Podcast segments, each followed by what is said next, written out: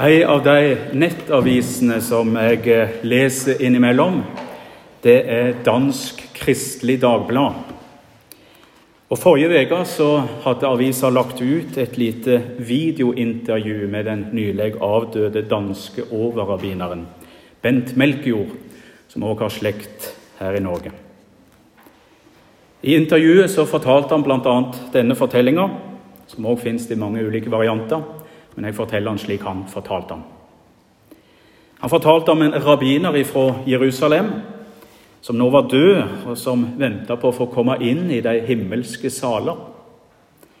Sjøl mente han det at han hadde levd et så gudfryktig liv at han burde få direkte adgang til det himmelske.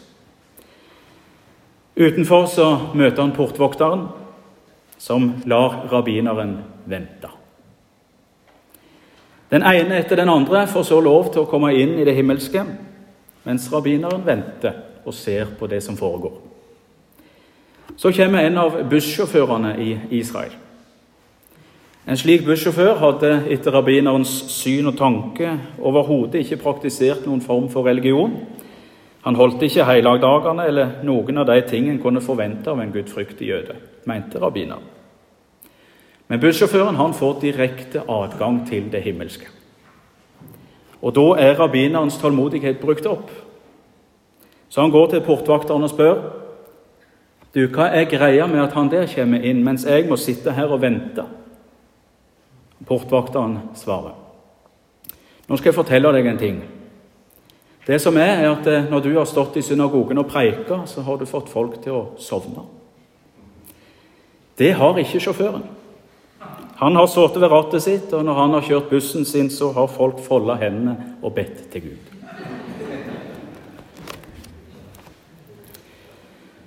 Av og til så er det noen som eh, bestemmer at vi skal preike over en annen tekst enn evangelieteksten. Hvem som bestemmer dette, har jeg aldri helt forstått. Og vi prester pleier aldri å få beskjed om dette. Vi må finne det ut på, på internettet sjøl. Men uh, det er noen som finner ut av det, og jeg uh, fant ut at i dag er det ikke evangelieteksten, men det er den gammeltestamentlige teksten som er preiketekst. Den teksten Inger las for oss først, ifra andre Mosebok. Det er en kjent tekst, en del av barne- og konfirmasjonslærdommen, om når israelsfolket fikk de ti bud, eller de ti orda, som jødene kaller det. De ti bud er vel kanskje noe av det mest kjente vi har ifra Bibelen.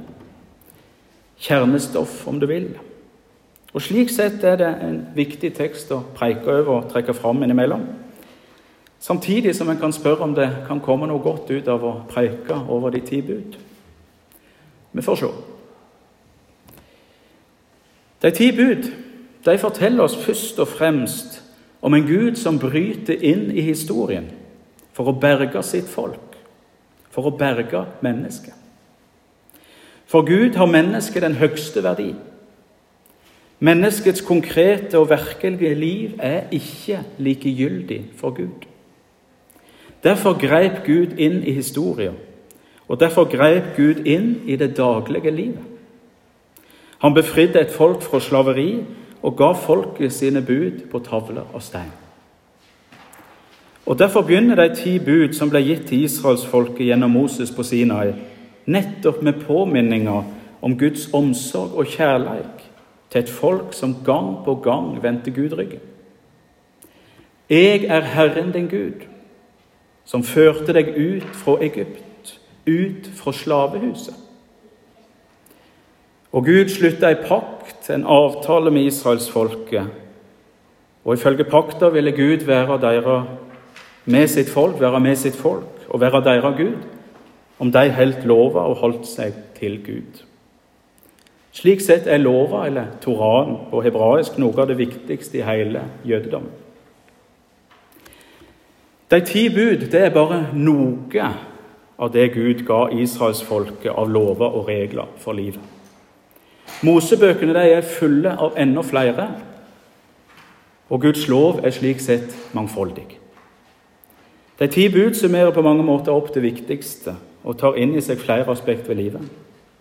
Gode leveregler for israelsfolket, og òg for oss i dag. Samtidig kan Guds lover og bud være overveldende for oss. Og likeså var det for Israels folk. Vi når ikke alltid opp. Israelsfolket holdt ikke pakta si. Og vi, vi er òg syndere. Og de fleste av oss har og vil komme til å bryte Guds lov og bud. Vi bærer med oss synd og egoismen i livet våre. Kimen til det vonde ligger i oss.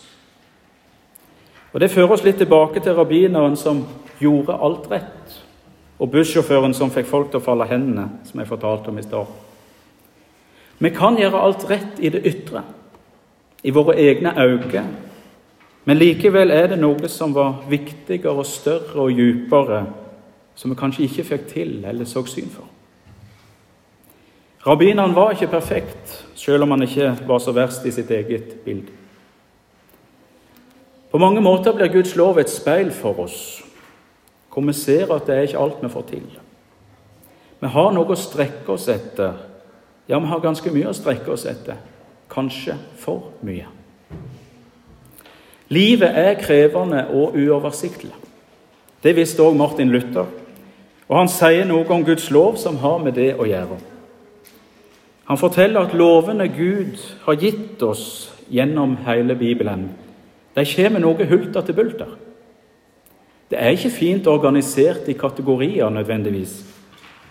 Og dette, sier Luther, reflekterer livet slik vi kan oppleve det. Vi går inn og ut av våre ulike kall og roller og livssituasjoner. Det ene øyeblikket er vi på arbeid og skal leve etter Guds lov som arbeidstakere. Og En time seinere er vi hjemme og skal leve etter Guds lov som foreldre, ektefeller eller enslige. Guds lov forteller oss at det betyr noe hvordan vi lever livet vårt. Og De ti bud er slik gode rettvisere for oss i livet. Det er godt å holde seg til Gud, Han som har skapt oss. Det er godt å ikke misbruke Hans navn. Det er godt for oss å hvile. Det er godt for oss å ta vare på foreldre og familien vår. Det er godt for oss å ikke drepe eller være gode, og å være gode med hverandre. Det er godt for oss å holde ekteskapsløftet. Det er godt for oss å ikke stjele. Det er godt for oss å ikke lyge og å holde oss til sanning. Det er godt for oss å ikke misunne eller trå etter det som ikke er vårt. De ti bud og Guds lov minner oss òg om at vi ikke alltid strekker til, og en kan lett bli mismodig med den tanken. Og vi lurer oss sjøl, som rabbinere, når vi tror at vi får til alt. Samtidig er buda gitt oss til det gode. Derfor er det noe å strekke seg etter, noe å holde fast ved som godt. Derfor gleder jeg meg over de som forteller at de opplever de ti bud som gode retningslinjer for livet, selv om de ikke er så aktive i kristent arbeid. Fordi Gud da likevel har fortsatt spor hos deg. Det er altfor mange som opplever budet og Guds lov som noe livsavvisende og som noe dystert. Du må gjøre så mye for å være en kristen, osv. Men det er ikke Guds poeng ved bud. Presten og salmedikteren Eivind Skeie skriver en plass sånn om budene. De ti bud kan bli misbrukt til tvang og lovtrelldom, eller til å gi et dystert bilde av Gud. For å motvirke dette må vi lytte oss inn til budenes felles klangbunn. Denne klangbunnen handler om hvordan skaperverket avspeiler Guds skapervilje. Og han fortsetter. Bak budene vibrerer noen av Guds egne drømmer for våre liv her på jorden. De ti bud som Moses fikk av Gud, forteller oss noe om Guds gode vilje og drømmer for våre liv her på jorda. I form av konkret rettledning og hjelp. Som sagt er det mange som opplever de ti bud som en slags tvang eller som noe religiøst pressmiddel, som noe negativt. Men bruker vi tid på det, så kan vi se at hvert enkelt bud røper noe om Guds gode drøm for oss. Tilbake til begynnelsen. Hvordan begynte teksten om de ti bud? Jo, jeg er Herren din Gud, som førte deg ut fra Egypt, ut fra slavehuset. Og det er verdt å legge merke til hvordan det begynner. Det er fridommens Gud som gir budene til folket. Frihetens Gud. De ti bud er ikke gitt for å skape nytt slaveri, men for å rettleie folket til det gode liv. Det gode livet med Gud og med hverandre. Paulus skrev i den andre leseteksten fra Galaterbrevet til fridom har Kristus frigjort oss. Stå derfor støtt, og la ikke noen tvinge dere inn igjen under slaveåket. Det er dette Jesus vil for oss. Et liv i fridom, i frihet. Og det er dette de ti bud òg dypest sett handler om. Noen har sagt at forbud gir frihet, påbud er tvang. Jeg tror på mange måter det er rett forstått, selv om ikke det primære i kristenlivet er forbuder eller påbud. I de ti bud har vi åtte bud som begynner med 'du skal ikke'. Du skal ikke gir mye større frihet enn du skal. Du skal ikke sette grenser, men grensene er romslige. Innenfor grensen har vi stort spillerom til å velge og til å utvikle oss som mennesker, som gode mennesker. Det er bare to av budene som sier 'du skal'. Jeg skal ta vare på hviledagen og på foreldre og familien min. Grenser er til det gode. Gode foreldre setter grenser for barna sine i kjærleik. Lover og regler er til det gode. Det hjelper oss til å ta vare på oss sjøl og på hverandre.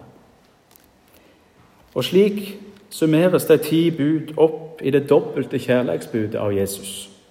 Du skal elske Gud og de neste som deg sjøl. Og det er Kristi lov, det største budet. Det handler dypere sett om fridom og kjærleik. Og det ser vi noe av i evangelieteksten for denne dagen. At budene først og fremst er gitt oss til velsignelse og til god veiledning, og ikke som noe undertrykkende. Når Jesus minner oss om at sabbaten var til for mennesket og ikke mennesket for sabbaten. Det var noe med anden og bokstaven, jf. òg rabbineren og bussjåføren. I Jesus er vi først og fremst mennesker, skapte og elska av Gud. I Jesus har vi det som er større enn det som Moses fikk på steintavlene. I Jesus er vi tilgitte syndere som ikke alltid får livet til, men som gang på gang kan få bli reist opp av Jesus til nytt liv og til ny giv. Til et liv i fridom og i kjærleik. Til et liv i Guds egen gode drøm for oss, her og nå på jorda, og siden i de himmelske saler. Hjemme hos Gud der drømmen blir virkelig og levende.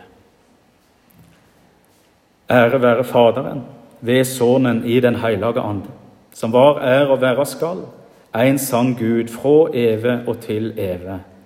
Amen.